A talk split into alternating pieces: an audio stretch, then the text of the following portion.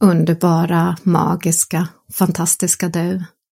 Vad fint att du är här nu. Idag eh, bjuder vi på en allmän vägledning inför din kommande vecka. Denna gång med tarot och änglakort.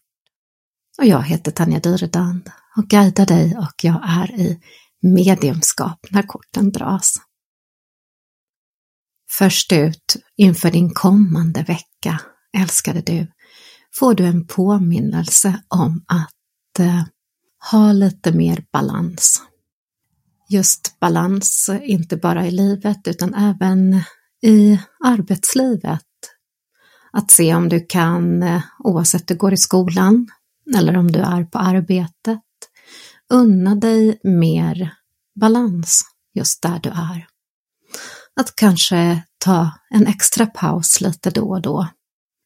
Det är så lätt att vi hastar vidare i livet och här får du en påminnelse om just balans. Du får även en påminnelse och vägledning denna vecka att undvika alla typer av impulsiva beslut. Och fundera på, hmm, om jag tittar på detta ifrån ett lite längre perspektiv, vad och hur ska jag göra eller agera? Är det så att du har tagit impulsiva beslut nyligen så finns här en eh, liten tanke om att du kan faktiskt rätta till det fortfarande om det är så att det är någonting som skaver eller grämer dig. Men använd den här veckan till att eh, istället göra lite längre perspektiv. Att uppmuntra dig själv till att se saker med lite, lite längre perspektiv just nu. Genom att planera och noggrant tänka framåt så är det faktiskt så att du kan få nycklar till att nå dina drömmar just nu.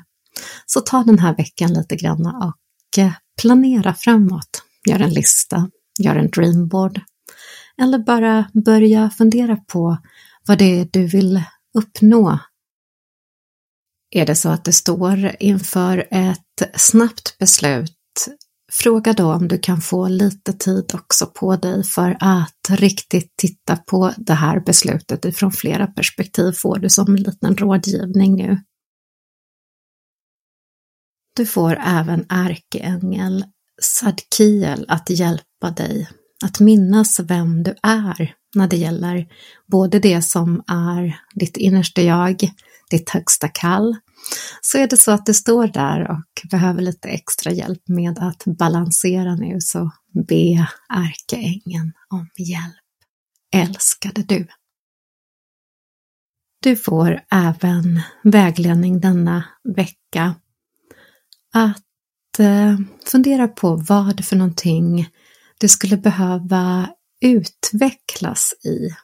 Kanske är det så att du har börjat grunna lite granna på att du utbildar dig, fördjupar dig antingen i det du redan är eller att du börjar fundera på inför 2022 att du kanske skulle utvecklas.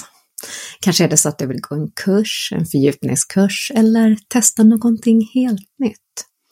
Nu är det en perfekt timing att börja titta lite grann kanske på sättet eller prata lite med personer som är lite grann åt det hållet som du suktar efter. Så den här veckan är verkligen underbar om det är så att du vill fördjupa dig. Gå tillbaka till skolan, utbilda dig, lära dig något nytt eller lära dig mer utav någonting du redan kan råder dig änglarna som en liten hjälp din väg denna vecka. Och sist ut denna vecka får du faktiskt eh, vägledning med ett av mina egna privata personliga favoritkort, nämligen Sisterhood of the Roses. Det här är en påminnelse till dig om din egen skönhet och allt det vackra du har omkring dig.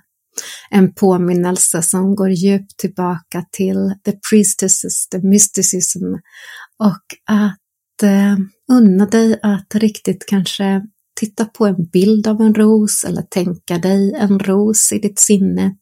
Och den här geometriska, the divine geometry, det vill säga den gudomliga, underbara geometrin med en ros. Rosen som står för rensning, rening men också skönheten. Så tillåt dig denna vecka få du vägledning att riktigt eh, lägga handen på ditt hjärta och känna hur hjärtat nästan får öppna sig som en ros. Och den här rosen kan sedan omsluta dig och riktigt känn din egen skönhet när du tänker att den här rosen utvecklar sig. Bara känn att du är underbar, fantastisk, snygg, vacker, att du är den här rosens skönhet. Riktigt iklä dig den här skönheten som en ros, en vacker ros riktigt kan ha. För den rosen denna vecka, det är du.